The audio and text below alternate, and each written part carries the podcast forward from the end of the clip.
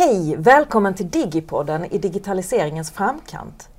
Jag heter Sara Kjellberg och är chef för Malmö UB och ledamot i URD, alltså Utvecklingsrådet för digitalisering på Malmö universitet.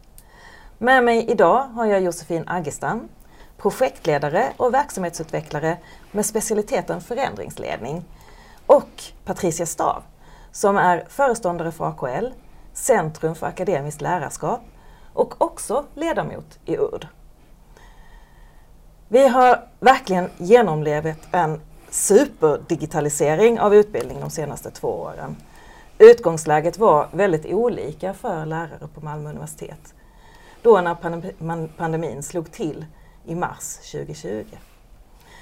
Vissa hade arbetat länge med att använda digitala inslag i sin undervisning. Men för andra var det något som kanske var nästan helt nytt.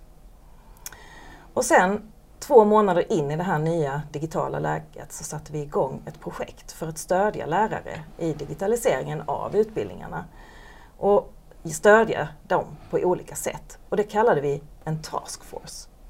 Vad var tanken med den här taskforcen, Josefin? I samband med omställningen till digital undervisning så gav rektor i uppdrag till Utvecklingsrådet för digitalisering att ta fram en universitetsgemensam plan för hur det pedagogiska utvecklingsarbetet kring digitala verktyg och stödet till lärarna kan stärkas inför höstterminen.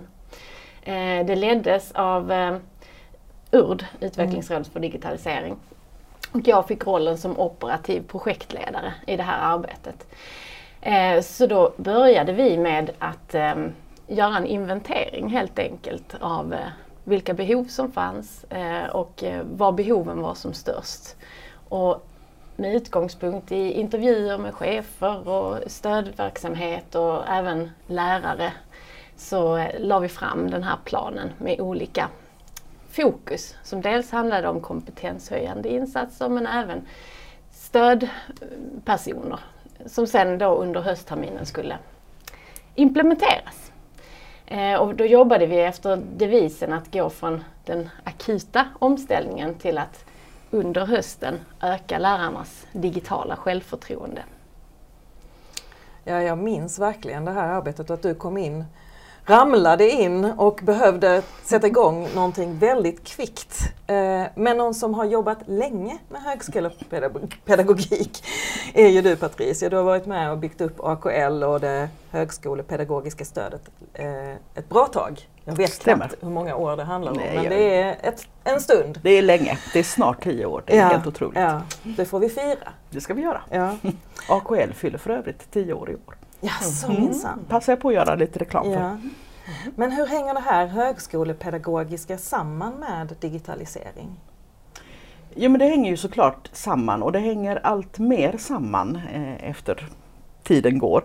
Det digitala är ju ett format och ett eh, sätt att förstärka lärande, att tillgängliggöra lärande och möjliggöra lärande i olika former. Så det digitala skiljer sig egentligen inte från alla andra pedagogiska verktyg eller angreppssätt som vi har. Sen har det blivit mer och mer eh, vad ska jag säga, både efterfrågat men också tillgängliggjort. Vi har nya verktyg, vi har Zoom som ju var fantastiskt att vi redan hade när vi nu tvingades göra den omställning som Josefin beskrev.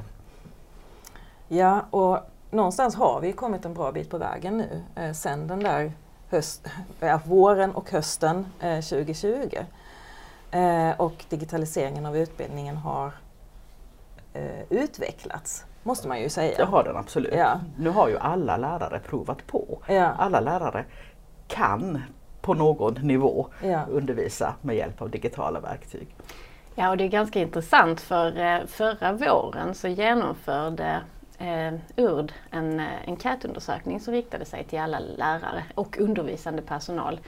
Eh, dels för att fånga upp eh, det digitala självförtroendet i samband med omställningen mm. men också hur, hur man upplevde det då mm. och även resonera kring eh, hur, omfattningen av det digitala även efter pandemin. Mm. Och det som var intressant var att det var en väldigt stor andel lärare som inte tidigare hade använt sig av digitala inslag särskilt mycket. Som ändå hade, genom pandemin och den påtvingade digitaliseringen mm. som det faktiskt var, gavs, ser möjligheter och avser använda det i betydligt högre omfattning Så där ser vi ju en möjlighet Ja. och det, den vill vi ju ta tillvara och Precis. stötta. Och jag tänker att eh, det gjorde ju vi också när vi fick möjligheten att söka medel för att eh, arbeta vidare med hur vi som organisation, som universitet kan stärka detta arbetet framåt.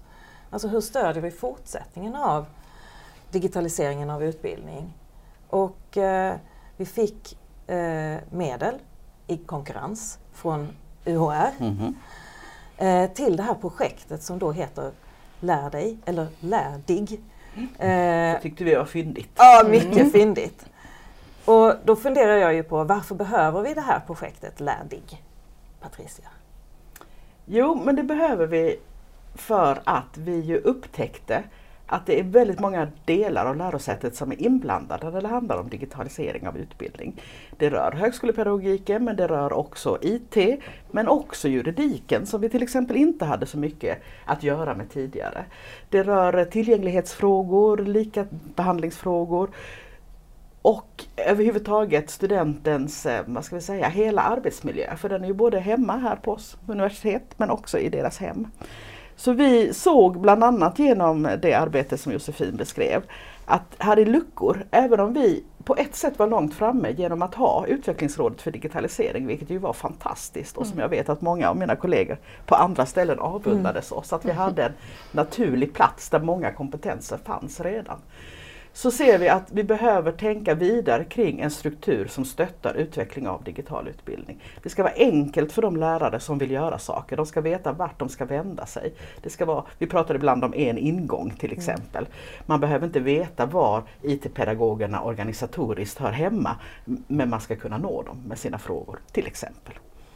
Så det ska det här projektet framförallt ta sikte på. Och den utlysningen från UHR den hade ju en tydlig inriktning mot struktur och kultur för de kallade distansundervisning. Men vi pratade om digital undervisning istället. Och jag vet ju att det finns ett parallellt projekt Mm.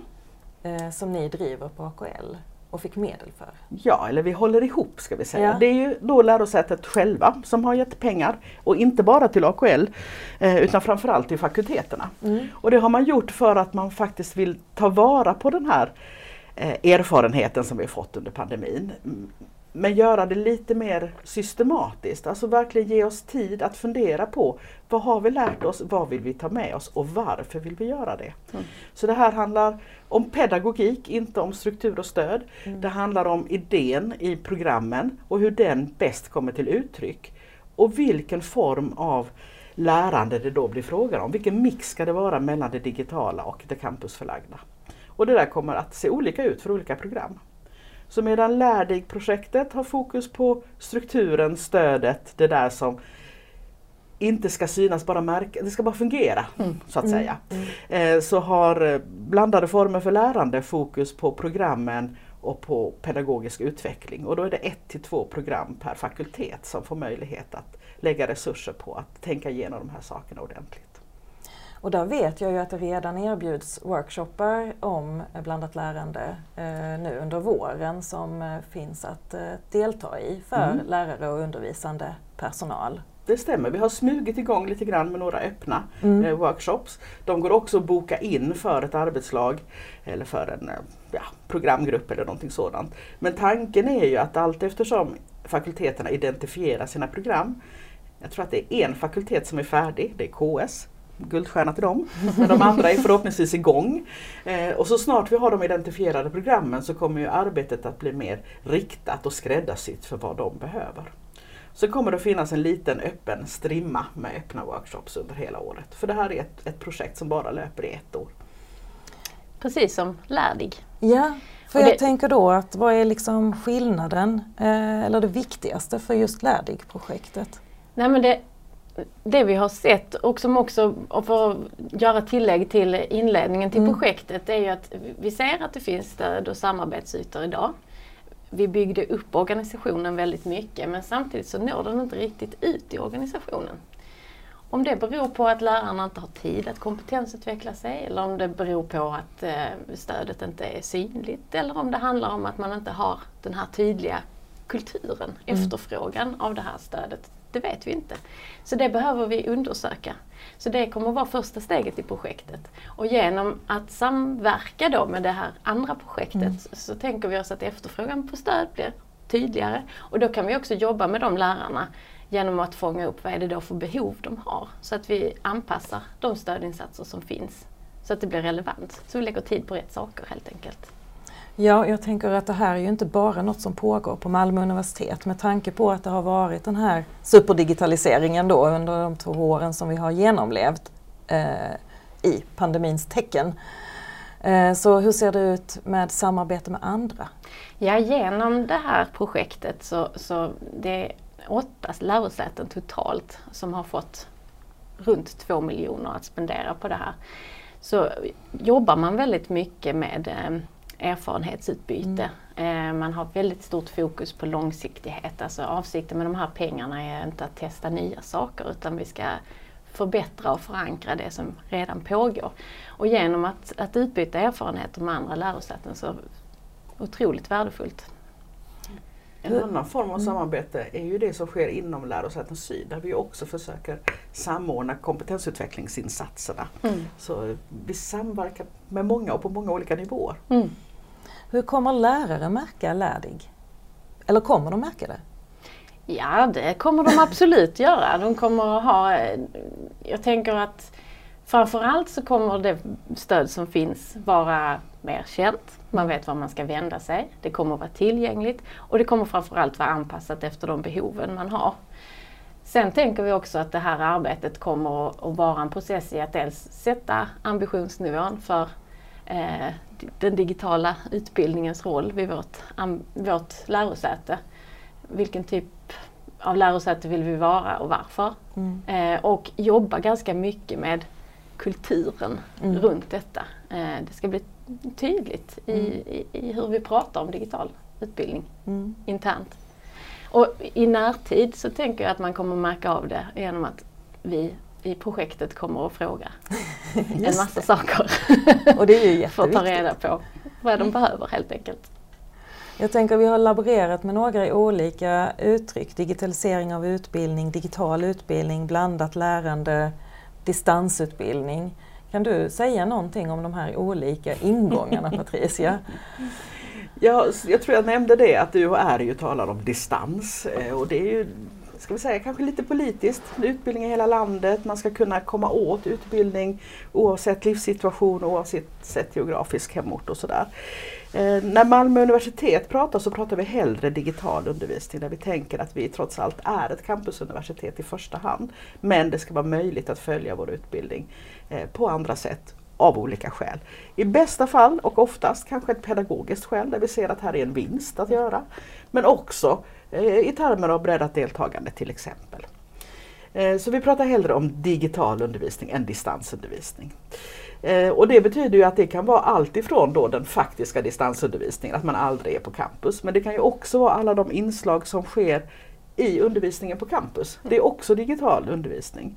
Vi har blivit, tror jag, lite förblindade av Zoom och tror att det är det vi pratar om och det vill jag vara tydlig med att det är det inte bara. Det är ett verktyg och egentligen ett konferensverktyg och inte ett undervisningsverktyg. Ja, det tycker jag var väldigt bra att få höra det förtydligandet. eh, jag tänker om man tittar fram då ett, ett år eh, och tänker oss den här devisen vi har för den här podden med att vara i digitaliseringens framkant. Vad ser ni om ett år när det gäller digital utbildning på Malmö universitet? Ett år går ju ganska fort trots ja. allt och, och, framkanten är möjligen lite längre bort om vi ska, ska vara krassa. Men förhoppningsvis så tänker jag att om ett år så pratar vi pedagogik där ibland digitala är en lösning mm. på en pedagogisk uppgift. Och det är så vi pratar om det. Mm. Och när vi då gör det så är det enkelt och odramatiskt och man förstår vart man ska vända sig och hur man ska göra. Och framförallt varför man ska göra det. Mm. Eh, det tänker jag, då har vi kommit ganska bra bit mot framkanten. Det tycker jag också. Vad säger du Josefin? Jag tänker att organisationen kommer att vara på plats. Eh, det kommer vara mycket mer synligt hos lärarna. Och efterfrågan på de stödinsatser som faktiskt höjer kvaliteten i eh, undervisningen kommer att öka helt enkelt. För att man ser poängerna med de digitala inslagen i utbildningen på ett annat sätt. Vad säger du Patricia? Ja, och jag eh, hoppas att vi har kommit en bit utöver det vi pratar om som stöd till lärare utan att vi också har kommit kring ansvarsfrågorna, att vi har löst en del av juridiken. Vi har Mm. ständigt sådana klurigheter som vi brottas med, att det har blivit tydligare. Mm. Och som jag sa innan att det kanske i bästa fall är sånt som man inte märker för att det bara flyter på Mm. och det funkar och man får de svar man, man efterfrågar. Så har det inte riktigt varit eh, under pandemiåret. Vi har upptäckt frågor där vi inte riktigt har en riggad organisation och ett ansvar. Det hoppas jag att vi kan komma en bit på. Ja, det låter fantastiskt. Jag ser fram emot fortsättningen och att vara en del av Lärdig genom URD. Och biblioteket Och- ska vi väl inte glömma Sara? Yes. Han är en otrolig resurs. Universitetsbiblioteket är såklart det allra viktigaste. Nej, men det är en, en otroligt viktig del av detta också. Tack Patricia och Josefin för det här samtalet. Tack så Tack mycket. själv!